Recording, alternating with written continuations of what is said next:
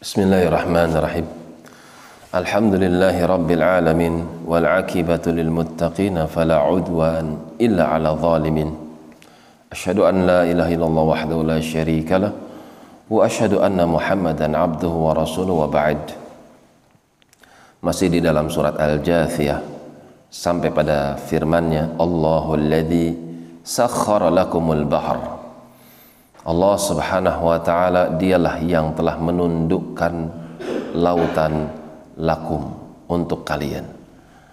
Airnya cuma sampai pantai saja. Nggak sampai menghabiskan seluruh daratan. Dia yang telah mengaturnya.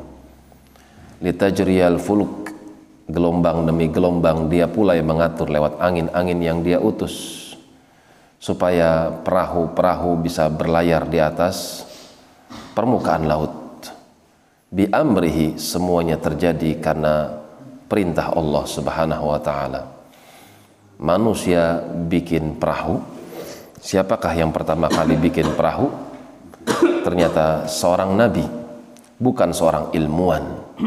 Nabi daripada nabi-nabi Allah bahkan rasul yang pertama kali diutus oleh Allah dialah beliaulah alaihi salam yang telah membuat perahu sebagai contoh bagi orang-orang belakangan. Bi amrihi maka mereka bisa berlayar di atas lautan semua atas taufik dari Allah.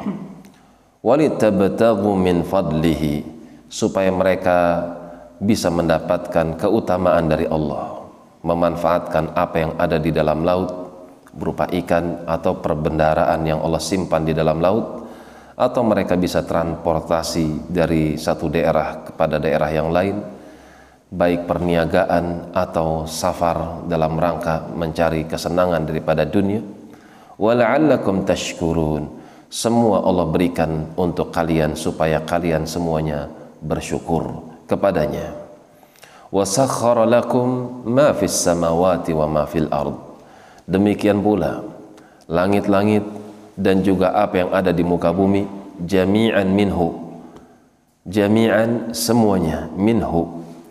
Itu adalah perbuatan Allah subhanahu. Langit ditahan.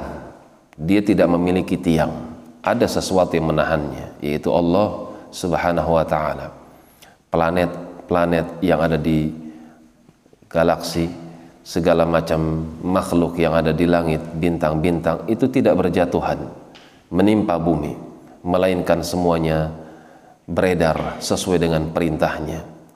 Inna fi dhalik yang demikian rotasi bulan, matahari, la ayatin semuanya merupakan tanda-tanda kebesaran Allah Subhanahu wa taala liqaumi yatafakkarun bagi mereka orang-orang yang mau memperhatikannya. Bagi mereka orang-orang yang memiliki hati dan mereka berenung memikirkan apa yang telah Allah ciptakan untuk makhluk-makhluknya dalam rangka untuk mendekatkan dirinya kepada Tuhannya. Ayat ini memberikan pelajaran buat kita bahwasanya Allah Subhanahu wa taala mengajak manusia untuk berpikir dengan cara melihat dari apa yang telah dia ciptakan segala sesuatu yang Allah ciptakan dari makhluk-makhluknya itu merupakan tanda tanda akan kebesaran sang penciptanya jika makhluknya besar maka sungguh penciptanya lebih besar.